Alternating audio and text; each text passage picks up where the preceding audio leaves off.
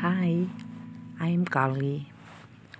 I'm a teacher at one of private school in Manado. I I am a mom for three children. I'm a wife for my husband. And then now I want to share my life. Yeah.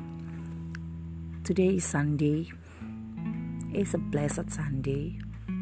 I went to church. Oh, I'm a servant of God.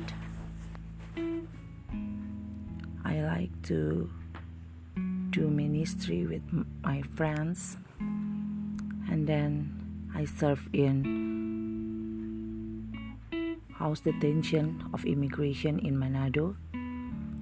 Yeah, I spent my time with them this morning. Praise the Lord. Today is a blessed day.